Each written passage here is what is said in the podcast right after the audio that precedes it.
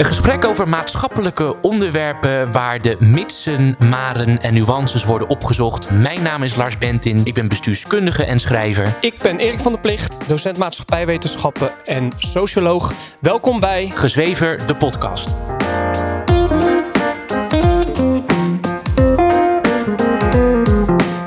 Ik had laatst, uh, ik had laatst een, een, discussie uh, met mijn vriendin over, uh, over een iemand in onze, onze vriendenkring die dan over nadenkt om dan wel of geen, wel of geen kind te nemen.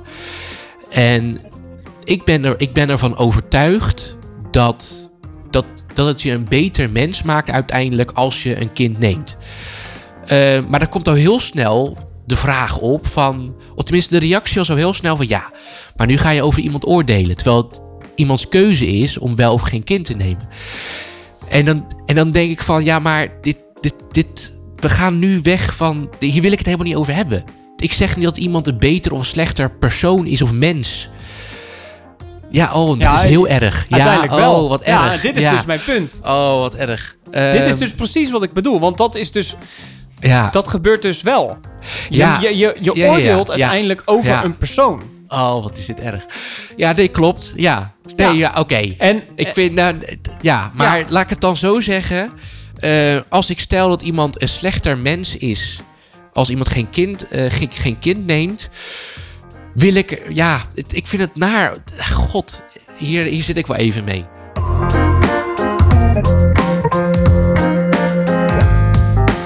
Goeiedag dames en heren, welkom bij weer een nieuwe aflevering van Gezweven de podcast. Hallo. Goedemorgen. Goedemorgen. Vandaag gaan wij het hebben over de vraag: mag je oordelen over anderen? Ja. En de reden dat ik het uh, daar graag met jou over wil hebben is dat uh, ik vaak hoor van mensen in mijn omgeving dat je niet zou mogen oordelen over anderen. Met redenen als je kent hun verhaal niet of um, je kent hun overwegingen niet, je weet niet wat ze hebben meegemaakt en dergelijke. Dus vanuit die overwegingen zou je niet mogen oordelen over het gedrag en over de, de persoon van een ander. Ja, sterker nog, er wordt vaak vrij negatief gereageerd op het moment dat je een oordeel velt over het gedrag van anderen. Ja. Dan word je vaak neergezet als een soort zagrijnige vent die... Uh, die meer op zichzelf moet letten en niet uh, op het gedrag van anderen. Ja, precies. Ja. En waarom ik het daar over wil hebben, of eigenlijk de centrale vraag wil stellen: zou je mogen oordelen over anderen? Mag je oordelen over anderen? Is omdat ik denk dat door het oordelen over anderen af te wijzen, dus door te zeggen dat het niet zou mogen, kom je uiteindelijk in een samenleving terecht waarin niemand meer oordeelt over elkaar, waardoor alles, al het gedrag dus in zekere zin maar moet, gaan, moet kunnen. Ja. Uh, en ik denk dat dat op de lange termijn problematisch is. Dus ik wil dat uh, met jou uh, uiteen gaan zetten in deze aflevering. Ja, ik vind het een hele interessante vraag.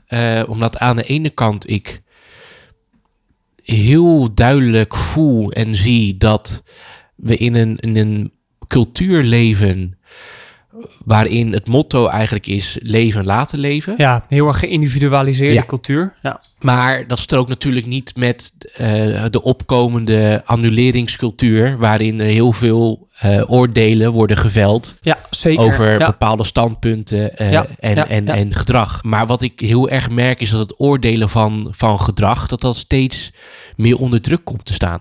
Dat mensen steeds vaker het idee hebben dat je nou, misschien een, een, een, een goed voorbeeld bij mij buiten, vaak op straat. Uh, er wordt heel veel getoeter. Uh, vaak ook wel wat, wat agressiviteit van mensen. Ja. Uh, en laatst zei ik er iets van. En toen was van ja, maar je kan beter gewoon niet reageren. want die man heeft het moeilijk. je ziet dat hij een probleem heeft. En et cetera, et cetera. Dus toen had ik zoiets van ja, maar als niemand een oordeel velt openlijk ja, precies. Op straat. Ja. Uh, dan ga je daar in, in een soort, nou ja, dan micro, dan in een straat leven waar alles geoorloofd is. Ja, omdat je niet, ja, precies, omdat je ja. niet mag oordelen over anderen. Ja. Maar het, het, probleem er ook nog een keertje mee is dat als je, als je zegt je mag niet oordelen, dan mogen we dus iets niet doen wat we eigenlijk allemaal wel doen. Want we oordelen allemaal de hele ja. dag door. Ja. Uh, la, laten we eerst eventjes Van Dalen erbij pakken met wat wordt er bedoeld met oordelen. Een oordeel is een goed goedkeurende of afkeurende uitspraak. Of door redenering tot een gevolgtrekking komen. Dus eigenlijk een redenering, of tenminste een oordeel hebben, dus een mening hebben over iets of iemand of over bepaald gedrag. Eh, en daar zit dan ook een goed of afkeurend aspect aan. Ja, Dus je, je kan iets goed oordelen of iets negatief, als negatief beoordelen. ja, Dat doen we de hele dag door. Als wij besluiten naar ons werk te gaan, dan hebben we het oordeel dat het beter is om naar ons werk te gaan dan om thuis te blijven zitten. En als wij eh, besluiten gezond te eten vanavond, dan is dat eh, dan oordelen we dat het beter is dan ongezond eten. Ja. Dus we oordelen de hele dag en we oordelen ook de hele dag over andere mensen, hoe, dat- hoe ze eruit zien, hoe ze zich gedragen. Dat gebeurt dan in ons hoofd. Maar zodra je die oordelen uit, dat op tafel legt, dan wordt er gezegd, je mag niet oordelen. Dus je komt dan in een situatie terecht dat je iets uit wat je eigenlijk altijd in je hoofd doet, maar dat uiten mag dan niet. Dus je, mag het, je moet het eigenlijk allemaal bij jezelf houden. ja, En ehm, ik denk dat dat op de lange termijn zeer ongezond is. Dat we, dat, dat we allerhande gedragingen zien in de, in de maatschappij van mensen die zich asociaal gedragen, die gedrag vertonen wat een negatieve invloed heeft op, het stra op de straat, op het straatbeeld, Ja. eh, op, op, op, ehm, op de gemoedstoestand van anderen. ja. Maar dat mag je wel denken, maar je mag er niks van zeggen. Ja, het uiten van een oordeel mag niet verbaal, Nee. maar je ziet het wel in passieve en Ja, zelfs precies. actieve agressiviteit. Ja, maar dat is dus inderdaad ook mijn, dat is ook hoe ik erover denk. Want wat ik denk is, als mensen iets niet mogen uiten, niet tegen elkaar mogen zeggen. A, omdat eh, er wordt gezegd je mag niet oordelen over anderen. Of B, eh, omdat ze dan eh, bijvoorbeeld een klap op een kop krijgen. Of Ja, voor een ja. kop krijgen of wat dan ook. Dan gaan mensen het opkroppen en dan Ja. wordt het op een andere manier geuit. Ja, ja het, is aan, het, is, het is ook nog eens, vind ik, maatschappelijk gevaarlijk. Omdat waar het oordeel eerst verbaal en civiel eh, werd geuit, hè, gewoon in een beschaving eh, met elkaar werd besproken, wordt het oordeel nu gekoppeld aan de recht van, van de sterkste. Ja, Dus je ziet buiten dat een, als je een, een oordeel velt, of in ieder geval Ja. uit, waar je ook gewoon verbaal met elkaar uit kan komen, dat vaak de reactie is van, "Ja, wat moet je dan? Weet je wel? Dus er wordt een hele agressieve houding vaak af, af- eh, aangenomen, waarin het oordeel dan wel of niet valide is op basis van het recht van de sterkste die op dat moment eh, dan geldt. ja, Eh, een heel simpel voorbeeld dus net ja. Die, die auto hier We zagen net ja. eh, in de straat bij mij voor was een ehm, vrachtwagenchauffeur. Ik woon boven een supermarkt. Was een vrachtwagenchauffeur die stond te wachten tot hij, ze, tot hij zijn vrachtwagen kon parkeren voor de supermarkt. Ja.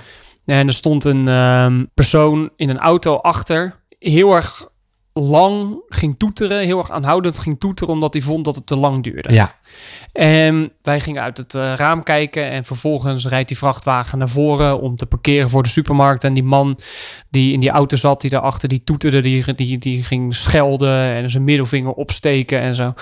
Dat is, dat, is, dat is echt gedrag wat ik hier heel vaak zie gebeuren, wat ja, ik vind wat moet worden ja, veroordeeld. ja, Dat moet worden afgekeurd. Veroordelen is, is de afkeurende vorm van eh, oordelen. Het moet worden veroordeeld. ja, Dat is gedrag wat simpelweg niet door de beugel kan. Maar omdat we dus in een samenleving leven, in een cultuur waarin wordt gezegd: je mag niet oordelen over anderen, moet dat ook maar worden geaccepteerd en door de beugel kunnen, omdat ehm, ja, ik dus niet het recht zou hebben om te oordelen over anderen. En wat er vervolgens gebeurt is, ik heb het wel gezien. Ik erg me er wel dood aan. Dus dat ik het niet mag uiten, gaat zich dan op een andere manier uiten. ja, Als in, ik, ik mag het niet uiten verbaal, dus ga ik het op Ja. een andere manier uiten. Ja. En ik denk dat dit ook verklaart eh, waarom bijvoorbeeld partijen als eh, het PVV, maar ook Forum voor Democratie zo groot, groot worden. ja, Is Ja. omdat, je je moet je bedenken, je leeft in een, in een volkswijk en je ziet door de jaren heen, zie je de wijk veranderen. En er komen mensen in jouw wijk wonen met een totaal andere cultuur, die zich asociaal gedragen, ja, eh, een rotzooi maken die hun kinderen eh, zodanig opvoeden dat die kinderen overlast veroorzaken in, in, in, in groepen van twintig jochies die een beetje lo- lopen te, lopen te klieren en mensen uit te dagen. Dat zie je gebeuren, maar tegelijkertijd krijg je horen, je mag niet oordelen. Je mag niet oordelen op wat hier gebeurt. Dat verklaart dat dat soort mensen uiteindelijk hun woede en agressie gaan uiten door te stemmen op eh, partijen die dat soort groepen dus uit gaan willen sluiten. Ja, ja ik, vraag me ook, ik vraag me ook af of die fase daarvoor, en voordat er zulk asociaal gedrag wordt vertoond, dat juist omdat er geen contact is tussen groepen in de wijk en de samenleving, dat er daardoor ook asociaal gedrag ontstaat. Ja, Of het eh, eh, agressief, passief-agressief. Ehm, omdat er al een cultuur heerst, al sinds de jaren 80, jaren 90, dat er dus niet geoordeeld mag worden ja, over culturen heen. Ja. Nou, het, sterker stellen, je mag dus wel oordelen, kritiek hebben op de, op de, op de dominante cultuur, maar op subculturen mag het dan blijkbaar dus weer, eh, weer, weer niet. Maar ze zie je dus dat het civiele discours en eh, het beschavingsgehalte eigenlijk gewoon afneemt, omdat je niet meer normaal met elkaar kan hebben over welk gedrag we wel of niet accepteren. precies. Plus het feit, en dat, dat merk ik dan, dat een oordeel over gedrag gelijk of heel snel geïnterpreteerd wordt als een oordeel over een persoon. Ja, en oké, ja, want ik weet nu wat je gaat zeggen. En Daar hebben we het namelijk eerder al over gehad. Ja. En ik denk dat we daar van mening verschillen. Jij denkt dat je het gedrag van een persoon kan veroordelen zonder de persoon te veroordelen. Ja, Ja, ik denk dat dat niet kan. eh, eh, eh, oké. Eh, en, en, en waarom dan niet? Omdat je het gedrag van een persoon niet los kan zien van hoe, wie die persoon is. Het, ik denk dat het een heel mechanisch mensbeeld is door te denken... iemand kan een gedrag vertonen, maar dat staat los van ehm, hoe die persoon is in zijn volledigheid. Ik zal een voorbeeld geven. Er, komen hier, en er komt hier een eh, paar, eh, twee stoere boys in een eh, dure auto op de parkeerplaats staan. Die, gaan, ehm, die gebruiken met elkaar lachgas. En ze gooien al het afval wat ze, wat ze hebben, gooien ze gewoon op straat en daarna rijden ze weg. Wat jij dus zegt is dat ik hun gedrag zou moeten veroordelen. Maar dat, dat, dat ik daar voor de rest niets kan zeggen over hun persoonlijkheid en hun persoon. Ja, de keuze die iemand maakt in de acties die ze wel of niet eh, uitvoeren, dat is altijd gebonden aan de persoon. Dus ik ben het er wel mee eens dat als je gedrag veroordeelt, dat je ook dat het ook doorschiet in die veroordeling naar de persoon zelf die die keuze maakt.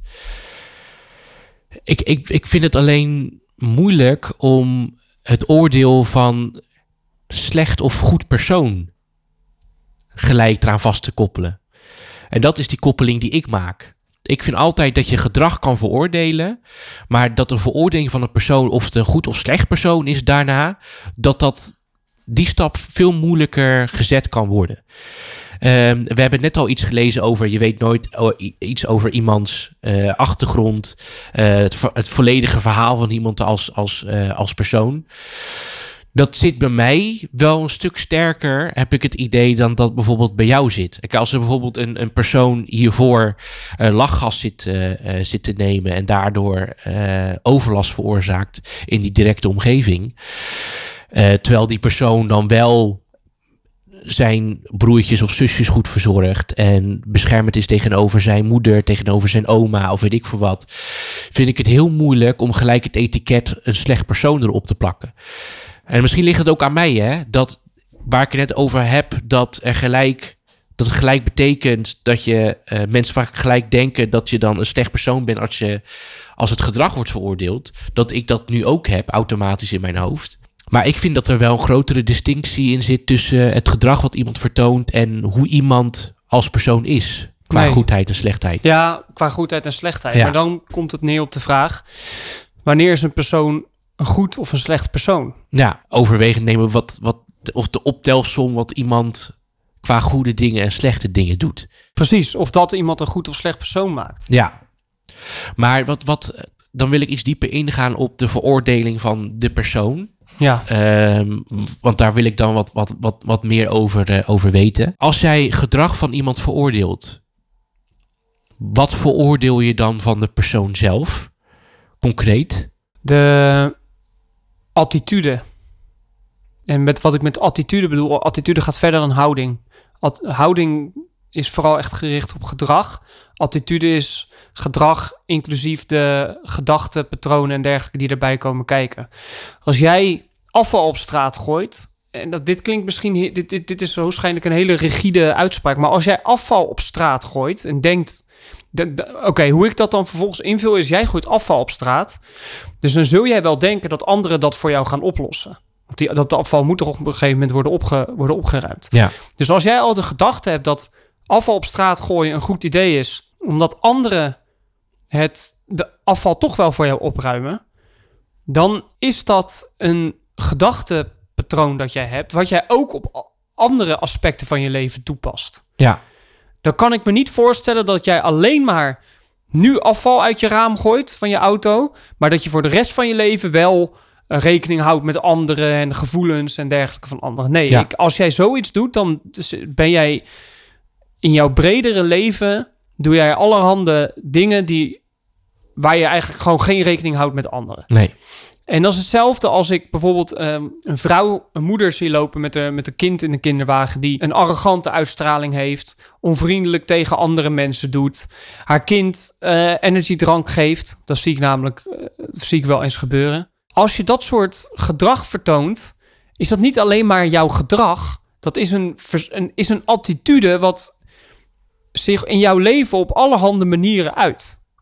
En daarom vind ik dus dat je door het gedrag van iemand te, te zien, die persoon moet kunnen beoordelen of slash beoordelen of veroordelen. Ja. Uit, uit één observatie haal ik een, eh, trek ik conclusies over de hele persoon. En ik snap heus wel dat dat, gevaren kan, dat dat gevaarlijk kan zijn, omdat het ook kan zijn dat ik, dat ik veel te ver doorschiet in mijn oordeel.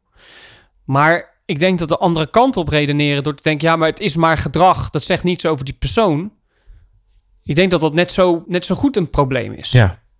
Dat is ook de reden dat ehm, in Rotterdam die eh huftercontroles, dat als een persoon zich misdraagt in het verkeer, dat ze gelijk die hele persoon even gaan uitlichten. Heb je belastingsschuld? Heb je, er staat er nog een eh, politiebevel open enzovoorts. Ja. Omdat een persoon die zich misdraagt in het verkeer heeft daarnaast hoogstwaarschijnlijk ook allerhande dingen eh, om hem heen lopen die, die, niet- die niet door de beugel kunnen. Ja. Dus ja, ik vind dat een persoon, dat je een persoon moet kunnen beoordelen op het gedrag wat zij vertonen in de publieke ruimte. Ja. Of, Ja. of niet alleen in de publieke ruimte, gewoon überhaupt. Ja, als, als ik jou zo hoor, dan ben ik het, ben ik het ermee eens, wat jij, wat jij zegt. Mhm. Ehm, en dan kom ik er ook achter dat de, de attitude, het gedrag en de attitude, die vind ik die, dat je die kan veroordelen. Ja, Maar er zit dan naar mijn idee nog iets achter. Ja. Dat is of iemand een slecht of goed persoon is. ja. Wat er dan nog steeds, wat dan nog steeds voor mij een brug, eh, een brug te ver Ja, is. ja, precies. Kijk- En, en- maar wat, wat maakt dan een persoon een goed of slecht persoon? Ja, ik, ik, ik, misschien kan ik het concreet maken door, door te zeggen dat ik vind dat je. ehm, vroeger eh, was ik daar echt wel anders in. Dacht ik bij het, het negatieve gedrag eh, dat anderen vertoonden, dacht van. Die persoon heeft misschien een moeilijk leven. En dan hoor je het hele verhaal, hoe diegene is opgevoed en Ja. bla bla bla. En vond ik het eigenlijk al heel moeilijk om te oordelen over iemands gedrag. Hè, dus je had bijna een, een soort een, een, een, een, een sociologische blik op een individu dat iemand gemaakt wordt door zijn omgeving. Ja, dus echt het, het, me- het mensbeeld al Ja. volledig nurture Ja, eigenlijk. precies. Eh, en daarna kwam ik erachter, want ik merkte dat ik het voor mezelf ook gewoon heel erg makkelijk vond om ook over mezelf zo te denken. Het, het gedrag wat ik vertoonde, of het nou goed was of slecht. En nou, vooral als het slecht was, dacht ik van ja, maar ik ben op een bepaalde manier opgevoed en ik heb bepaalde angsten en weet ik veel wat. Eh, ja, dan toon ik dit gedrag. Dus ik vond het ook vooral makkelijk natuurlijk voor mijzelf. Ehm, en toen kwam ik erachter, ja, maar je kan het gedrag van iemand veroordelen en ook de gedachten Ja, de attitude. die leiden de attitude veroordelen. Ehm, en daarbij kan je dus ook van iemand verwachten dat diegene de verantwoordelijkheid neemt. Dat is voor mij heel belangrijk. De verantwoordelijkheid neemt om iets met die gedachten of die attitude en het gedrag te doen. Dus je kan begrip hebben voor iemands situatie, maar nog steeds beseffen dat het diegene niet ontslaat van de morele verantwoordelijkheid om iets met die gedachten Ja. en die acties en het gedrag te doen. Ja, precies. Precies. Dus, eh, maar nu, nu blijven we alsnog weg van de vraag: wat is dan een goed of slecht mens? En ik, ik vraag me ook af of, ehm, of je die, die vraag überhaupt kunt beantwoorden. Of iemand een goed of slecht mens is. Want je zou dus kunnen zeggen: iemand is een slecht mens voor puur vanwege het gedrag wat ze vertonen. Dus dan wordt het een optelsom. Of een, een, een bonus-malerslijst of zo. Ja, ja. Eh, jij hebt eh, gisteren iemand de klap voor zijn kop gegeven, maar daarna heb je drie oude omaatjes helpen oversteken. dus aan het eind van de rit ben je een goed persoon. ja. Maar zo werkt, zo werkt natuurlijk. Zo werkt het natuurlijk. Nee, niet. klopt. Dit is natuurlijk de klassieke verdeling tu- tussen de plichtsethiek en het consequentialisme. Waarin je bij het consequentialisme kijkt naar de uitkomst van het gedrag. Eh, en de plichtsethiek, wat is eh, de intentie? Hè, wat zijn de gedachten eh, en de intentie achter het gedrag wat je vertoont? En dan sta ik aan de kant van de plichtsethiek. Ik vind dat je een goed mens bent als je ter goede trouw eh, ehm, je acties en keuzes maakt. Ehm, of die een slechte uitkomst hebben. Ja, weet je, je we hebben natuurlijk ook een, een rechtssysteem wat ook kijkt naar de, de, de consequenties en de gevolgen van jouw acties. Mhm. Ehm, maar ik ben er altijd van overtuigd dat iemand een goed persoon is als het met de juiste intentie is gedaan. Ja, en dan komt natuurlijk de volgende discussie: wat is een juiste intentie? Ja, ja, ja. Dat is natuurlijk volgens de plichtethiek ehm, zijn dat eh, bijvoorbeeld eh, leefregels of regels of uitgangspunten vanuit waar je moet handelen. En Ja. Dus ik denk inderdaad dat de vraag of iemand een goed persoon is of niet, dat dat heel moeilijk is te beantwoorden. En dat je dus in je dagelijks leven, als je er pragmatisch naar kijkt, is het dus niet de vraag: is iemand een goed persoon of niet? Maar welke gedragingen vertoont die persoon en welke attitude heeft die persoon? ja, Daar kun je iemand op oordelen. ja.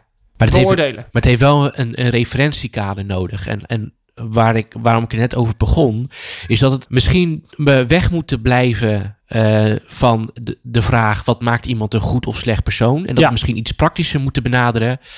Dat we moeten kijken ehm, naar wat vinden wij als beschaving qua universele regels. Wat vinden wij wel Ja. of niet goed gedrag? Precies. Ja, Ja, precies. Want in- inderdaad, daar, daar komen we nu achter dat de vraag: is iemand een goed of slecht persoon? Dat kunnen wij niet, dat kun jij niet als individu beantwoorden. En dat is ook waarom het christendom stelt dat het oordeel over mensen niet aan de mens is, maar uiteindelijk aan God. ja, Om maar even als je, als je bij, de, bij de hemelpoort aankomt. ja. Dus ik begrijp vanuit die gedachte wel de. Ik, ik begrijp die gedachte wel dat wij als mensen niet kunnen oordelen of iemand een goed of slecht persoon is.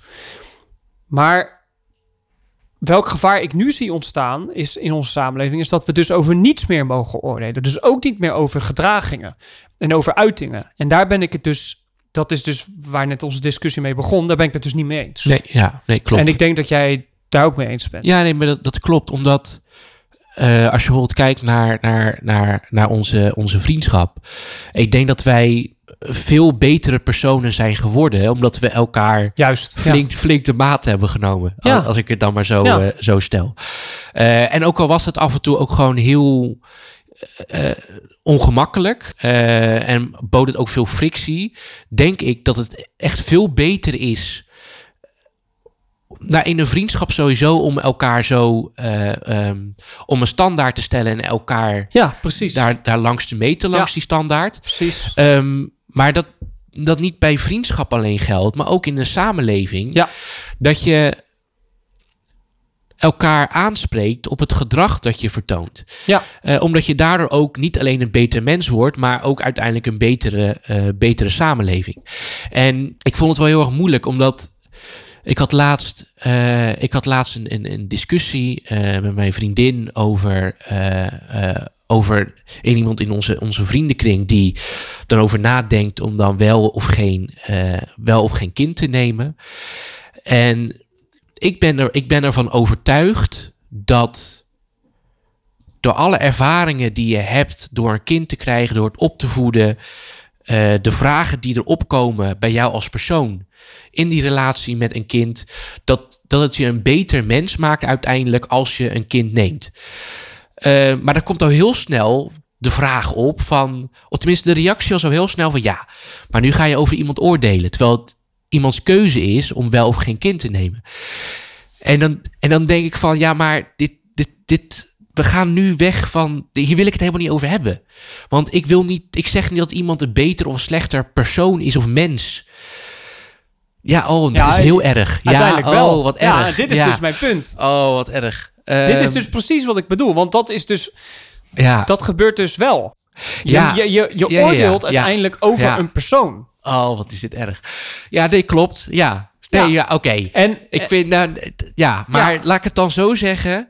Eh, als ik stel dat iemand een slechter mens is, als iemand geen kind, eh, geen, geen kind neemt, wil ik, ja, het- ik vind het naar. God, hier, hier zit ik wel even mee. Ehm,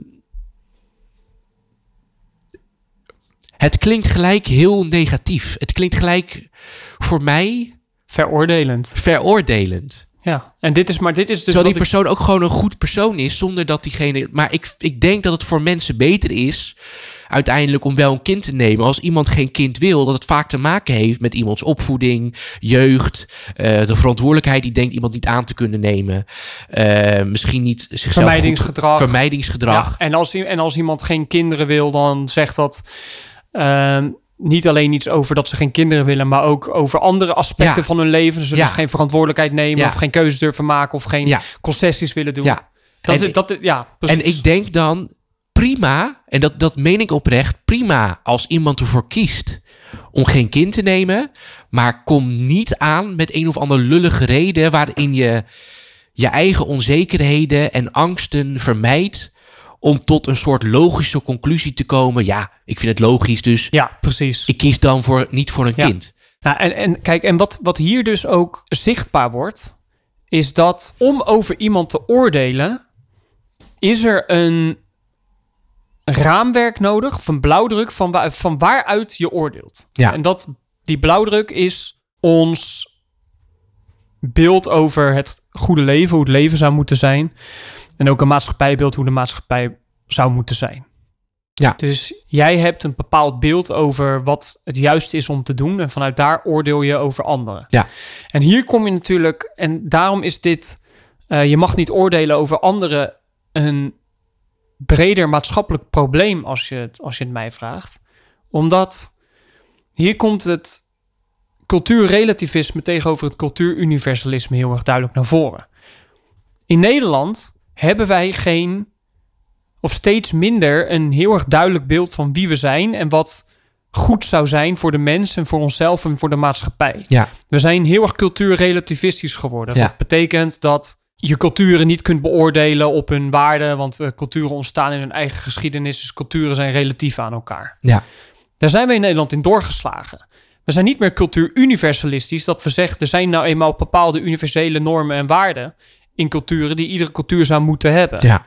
En wat je nu dus ziet is dat omdat wij niet meer durven te zeggen deze cultuur is het beste, dit levenspad is het beste, ehm, deze keuzes zijn de beste keuzes, omdat we dat niet meer durven te zeggen, vervallen we dus in cultuurrelativisme, Ja. wat inhoudt dat je dus niet meer mag oordelen over andere mensen Nee. en over de keuzes die ze maken. En dat zie je terug, en dat zie je nu dus ook heel concreet terugkomen in de discussie bijvoorbeeld over de, de- met de nieuwe transgenderwet. Ja. Waarin wordt gezegd, ja, je mag niet oordelen over, eh, over de, de, de problemen of de, of de overwegingen waar iemand doorheen gaat omtrent hun gender. Ja. En wat je hier dus ook ziet is, hier zie je echt heel erg progressief tegenover conservatief staan. Conservatief, conservatieve mensen, die zijn toch vaker, ehm, die zien toch de waarde, vaker de waarde in van tradities. normen en waarden die door de honderden jaren heen zijn ontstaan. En ook keuzes die mensen maken. En wat, waar Ja. hoort het bij conservatieven vaak bij? Eh, je hebt een gemeenschap nodig. Je, je, je hebt een baan. Je neemt verantwoordelijkheid voor jezelf en voor de familie die je opbouwt. Ja. En je, trouw, je, je, je trouwt. eh, of je gaat in ieder geval een verbindenis met, een, met één persoon aan, zodat Ja. je je daarop kan richten. Dat is vaker conservatief. Terwijl progressief Nederland, progressieve mensen, excuus, ook progressief Nederland, die categorieën en die tradities en die normen en waarden die we door de jaren heen hebben, honderden jaren heen zijn opgebouwd, zijn ontstaan, Ja, die eh, doen er niet toe. En ehm, iedereen kan zijn eigen leven ja, bepalen. Iedereen heeft zijn eigen. Iedereen, iedereen is ehm, een, een vormer van zijn eigen leven, als het ware. ja, En dat zie je nu dus heel erg ontstaan in Nederland. We, we, we zijn in een tijdperk beland van waarin steeds meer mensen denken dat wat door de ja, eh, dat steeds meer mensen denken dat onze tradities, daar hebben we het ook eh, een paar weken geleden over gehad in onze kruidnotenaflevering, steeds minder belangrijk zijn. Dat iedereen maar zijn eigen leven moet kunnen vormgeven zonder rekening te houden met, ja, met geschiedenis, tradities en normen en waarden die erbij ja, horen. ja, En vanuit die achtergrond ontstaat dus het credo niet oordelen over anderen. Want je kunt vanuit niets meer oordelen over anderen. Want we hebben geen moreel, geen moreel kader. moreel kader meer Nee. als samenleving. Nee, We vervallen in een niet-zeggende cultuurrelativistische situatie... waarin niemand meer kan zeggen... ja, maar dit zijn de goede normen en waarden... en de goede keuzes die je moet maken. Want ja, alles is relatief geworden. ja, ja, ja, en dat, dat, dat, dat, dat doorcijpelen van het cultuurrelativisme in het individuele vlak eh, wordt in dat opzicht natuurlijk ook heel erg toonbaar. Je had het er net over. Ehm, ik zie nu eerder dat we elkaar niet meer durven eh, oordelen op basis van een universeel moreel kader. Maar wat ik nu steeds meer zie gebeuren, is dat wij steeds meer gaan shoppen in categorieën om te kijken welke verantwoordelijkheid we onszelf van kunnen ontslaan. Ja, ja wat, wat, waar heb ik wel niet zin in? Ja, ja, ja, ja. Ja, en op basis van waar je wel ge- of geen zin in hebt, vind je wel een categorie van wat jouw gedrag goed praat. Of ik ben een, een vrouw, dus ik, ik, word, ik word al onderdrukt door mannen. Eh, ik ben, heb, eh, ben een Marokkaanse Nederlander, dus ik word onderdrukt door het overgrote deel van de bevolking. Ehm, vind, vind maar een reden of een, een hokje eh, waarin je je eigen gedrag goed praat. Eh, en je afzet tegen de ander, zodat je niets aan je eigen gedrag hoeft te veranderen. En dat is een beetje de samenleving waarin, waarin we Ja. dreigen terecht te komen. Precies. En omdat we dus geen moreel kader meer hebben wat we met elkaar delen, omdat alles maar moet kunnen, krijg je dus situaties als kruidnoten in augustus, ehm, niet oordelen over anderen, genderdysforie en eh, je, je, zelfs je eigen gender moet maar volledig eh, vrij invulbaar zijn. Ja, En we zijn dus nu echt aangekomen in een postmodernistisch tijdperk. Waarin uitspraken, of proposities, of wetten, of normen en waarden, of tradities niet meer aanspraak maken op de materiële werkelijkheid. Dus Ja. wat, het materieel, wat werkelijk zo is. ja, Maar we leven nu in een situatie waarin niets meer refereert naar een fysieke werkelijkheid nee, wetten en, en, en ideeën en dergelijke gaan verwijzen naar niet tastbare zaken zoals hoe mensen zichzelf identificeren en dergelijke. En ja, dat, dat, daar, daar kom je nu dus in terecht. Ja. Dus, en wat, hoe dat zich dus uiteindelijk uit, is dat ik niet meer kan oordelen over iemand anders op straat, omdat ja, op, op basis waarvan moet ik oordelen? Waarom is het slecht als, ik, als iemand afval op straat Ja. gooit? ja, zeker als het eh, iemand... Dan hoor je er vaak van, ja, maar je doet toch niemand kwaad? Ja, Ja, weet je, als we op basis van het feit dat het fysiek geweld aandoet eh, richting anderen, dan bepaalt of je wel niet mag oordelen. Wat, wat voor samenleving, wat, wat hoe dan? Ja, wij, wij hebben eh, binnen eh, de, de, de, de trainingen bij de JOVD, hebben het dan over vrijheid en waar dat stopt. ja, Nee, waar het begint en waar dat stopt. En dan heb je dan bepaald, bepaalde vragen die je stelt. Van oké, stel je voor je woont in een nette buurt. ehm, en de buurman besluit naakt over straat te lopen. Mag dat? Ja. Vind je dat wel of niet kunnen? Ja. Ehm, en dan is de vraag, nou, als het s'nachts is, is het prima, want er zijn er geen kinderen bij. En eh, nou, dan vraag je dus door van, ja, maar wat maakt er nou uit dat kinderen wel of niet zien? Ja, Het is toch gewoon een menselijk lichaam? ja, Doe dat, daar, dat hebben ze zelf toch ook? ja, precies. En dan zie je op een gegeven moment een heel grote twijfel ontstaan van wat wel of niet kan. Eh, en uiteindelijk gaan ze op basis van een soort instinctief gevoel zeggen van nee, dat, dat kan niet en dat, dat mag ook niet. Maar als dat instinctieve gevoel, dat gedeelde instinctieve gevoel wat goed of slecht is, wat wel of niet kan, langzaamaan verdwijnt, want dat zie je echt wel gebeuren in de maatschappij, dan zweeft iedereen. En Ja. dan leef je in een soort diffuse maatschappij waar wat, wat totaal geen vastigheid meer kent. Ik bedoel, er is geen fysieke grens meer. Je kan overal en alles kan je naartoe. Eh, in een vrij kort tijdsbestek. Eh, technologie zorgt ervoor dat er überhaupt geen fysieke werkelijkheid meer is. Eh, kunst kan alles en nog wat zijn. Ja. Nou, dan heb je nu dat morele kader kan alles en nog wat zijn. Ja. Niemand voelt een, een gevoel van vastigheid. Nee, En dan zie je dus een, een, een, een stijging van, van, van het aantal mensen wat depressief is. Eh, depressief, burn-out, Burn-outs, ja. harddrugsgebruik, eh, Ja. recreatief, eh excessief gebruik eh, Ja. stijgt heel erg. Ja, Ja, en, en ook de opkomst van politieke partijen die daarop in zekere zin inspelen. ja, Door dat oordelen over groepen mensen eigenlijk te institutionaliseren in een politieke partij. ja. Ja, Wat heel logisch is. Ik snap het oprecht. Ik snap echt dat mensen op Geert Wilders stemmen. ja, tuurlijk, ja. Ik ook. Door die frustraties eh, omtrent eh, de multiculturele samenleving. Ja. Het, is- het, sterker nog, het is eigenlijk logischer dat die mensen wel op Geert Wilders stemmen dan niet. Ja. Het Maar dat, maar dat wordt dan ook weer weggezet als... als je stemt op Geert Wilders, dan oordeel je over anderen. En dat mag niet, dus niet op Geert Wilders stemmen. Want dat is slecht. Ja, ja. Zelfs het, democratisch recht wordt omgezet tot een oordeel wat niet gemaakt mag worden. Precies. Ja, ja dat, is, eh, dat is wel heel... Als het zelfregulerend vermogen binnen een maatschappij... dus als uiting dat je elkaar niet mag oordelen en veroordelen... als dat dus niet meer kan... dan wordt het oordeel op een andere manier werkelijkheid gemaakt... namelijk geïnstitutionaliseerd Ja. via een politieke... Partij of Ja, andere manieren van agressief of passief-agressief gedrag. En, en dan krijg je dus een situatie die je uiteindelijk, denk ik, als vrije maatschappij of vrije samenleving niet wil. Namelijk dat de overheid gaat bepalen Juist, wat moreel wel eh, Ja. of niet kan. precies. Nou, maar dat is nu wat er gebeurt met bijvoorbeeld die nieuwe transgenderwet. Ja, ja, Want als je er even heel goed over nadenkt, waarom moet, op, waarom moet ehm, de Tweede Kamer gaan bepalen of die nieuwe transgenderwet wel of niet kan worden doorgevoerd? De, de- die discussie wordt eigenlijk uitbesteed door alle Nederlanders aan een paar mensen in de Tweede Kamer. Dat is ook een van de nadelen van representatieve democratie. Ja. Het wordt uitbesteed zodat zij er wel een beetje een mening over hebben, maar niet echt goed over nadenken wat de implicaties en dergelijke zijn. ja. Ja. ja, en ik denk ook dat daarom er nog steeds zo'n grote groep mensen, eh, en dat is voor mij vloeken in de ideologische kerk, maar eh, zoveel mensen nog steeds VVD stemmen. Ik heb een beetje het gevoel soms dat D66 en VVD groep, de groepen mensen zijn die passief-agressief oordelen over de rest van de samenleving door de status quo maar te willen behouden. Eh, en wat bedoel, ik, wat bedoel ik daarmee te zeggen? Misschien kan ik het concreter maken.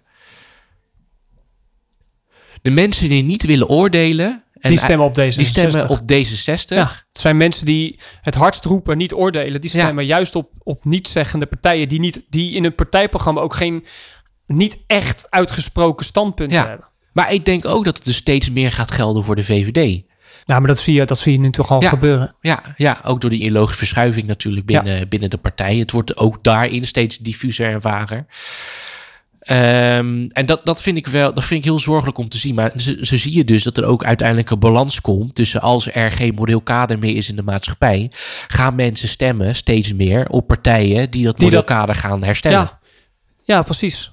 En, en dan krijg je dus de, bijvoorbeeld eh, personen als Geert Wilders die namens de mensen die het met hem eens zijn ehm, de, de, de schuld draagt. Ja, ja maar het ook, kruis, eigenlijk het kruis draagt. Want Wat gebe- Geert Wilders, die spreekt uit wat heel erg veel mensen denken. Ja, ja, En, maar hij leeft nu eh, met beveiliging, Ja. omdat hij anders wordt, eh, wordt vermoord. ja, maar het is toch heel erg dat als hij, hè, zeker in, in, in die transgender discussie, waarin hij het heeft, heeft over transgendergekte en jonge kinderen en wat doen we hen aan en dit en dat en zo.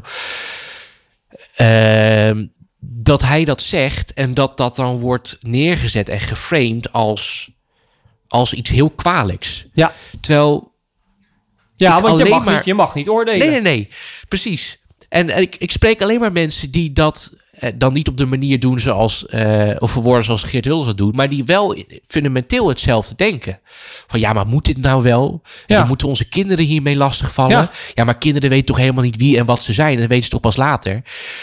Weet je, als je dat soort dingen gaat onderdrukken, dan wordt het, nou, dan wordt het alleen maar erger. Eh, dus op institutioneel en politiek vlak zorgt het uiteindelijk voor een situatie wat niemand wil. Namelijk een overheid die, ervoor, die het gaat afdwingen uiteindelijk, het morele kader. Maar ik vind ook dat er aandacht moet komen voor de morele plicht die wij als mensen hebben richting tegenover onze medemens.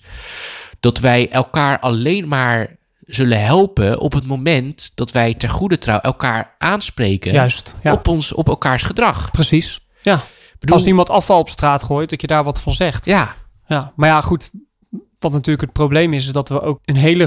nou, Ik weet niet of het een hele grote groep is, maar een grote groep mensen hebben in onze samenleving die leidt aan narcistische persoonlijkheidsstoornissen. Wat inhoudt dat ze vanuit een onzekerheid allemaal eh, zeer vervelend, eh, egocentrisch gedrag vertonen. Maar zodra ze daarop worden aangesproken, heel erg agressief reageren. Ja. En gaan slaan, neersteken enzovoorts. ja, Dus waardoor, en en dat is ook weer een situatie die we, uiteindelijk, die we creëren, omdat we niet met z'n allen zeggen tegen zo'n persoon: wat jij doet, kan niet. nee. We gaan gewoon met z'n tienen nu om je heen staan en gewoon zorgen dat jij stopt met het gedrag wat jij vertoont. Het, is, het, het zorgt Dus- ook voor, voor ongemak, hè, frictie.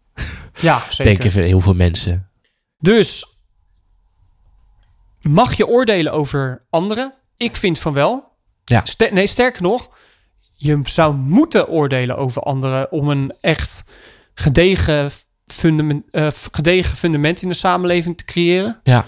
Moet bepaald gedrag worden veroordeeld. Ja. Zo simpel is het. En we zien dat het gebrek aan oordelen, dus eigenlijk de opkomst van, van cultuurrelativisme en eh, ni- niet, eh, geen, geen, het ontbreken van een moreel kader als het ware, als gedeeld moreel kader als maatschappij, dat uiteindelijk ook toe leidt dat ehm, mensen op een andere manier hun mening gaan uiten door te stemmen op partijen die polariseren en dergelijke. En dat het eigenlijk ook heel logisch is. Ja. En dat het uiteindelijk leidt tot de situatie dat morele keuzes maar worden overgelaten aan een paar volksvertegenwoordigers die dat voor ons moeten gaan bepalen. Ja, ja het, het, het, we kunnen en moeten oordelen over anderen. Ehm, sterker nog, ik denk dat het een soort plicht is vanuit richting onszelf hè, als, als, als mens om te oordelen over iemand anders. Maar ik denk dat het even belangrijk is op het moment dat iemand oordeelt over jou. ehm, dat je daar ook open voor moet staan. Ja, zeker. En dat je de verantwoordelijkheid hebt om niet gelijk. Je, je hoeft niet bij alles en iedereen gelijk onzeker te worden. Te denken van: oh shit, en wat heb ik nu gedaan? Het ligt bij mij en bla bla. Ik denk wel dat je moet kijken naar wat voor kern van waarheid zit er in de feedback of het oordeel ehm, van, eh, van, van iemand anders. Een Ja. wijs man zei ooit: feedback is een cadeautje. Ja, Dus. eh, precies. dus ik, eh, ja, klopt. Ehm ben ik het mee eens. Je, Ja. je, moet, je mag en moet oordelen. Eh, je, je moet, nee, je mag en je moet anderen oordelen of veroordelen. Eens. Nou, mooi. Nou, Zijn we het daar ook weer over eens? nou hebben we dat ook weer eh besproken. Eh, luisteraars, dank jullie wel voor het luisteren. Meld je aan voor onze sociale media. Wij hebben ook een prijsvraag op onze sociale... op Instagram. Ja. Lars gaat hem ook op LinkedIn plaatsen. Ja. En de prijsvraag gaat over de vraag... of over de stelling eigenlijk... als je kruidnoten eet in augustus... draag je bij aan de afbraak van onze cultuur. Ja. Als je daarop reageert op onze sociale media... daar heb je nog een week voor... dan kun je een prijs winnen. Ja. Dan krijg je... Zodra we de prijsuitreiking doen, krijg je te horen of je wel of niet hebt gewonnen. Ja. Wil je nog iets zeggen tegen de luisteraars? Nee, ik hoef niks, eh, nee, ik hoef Nee? Oké. zeggen. Nou, tot volgende week. Tot volgende week.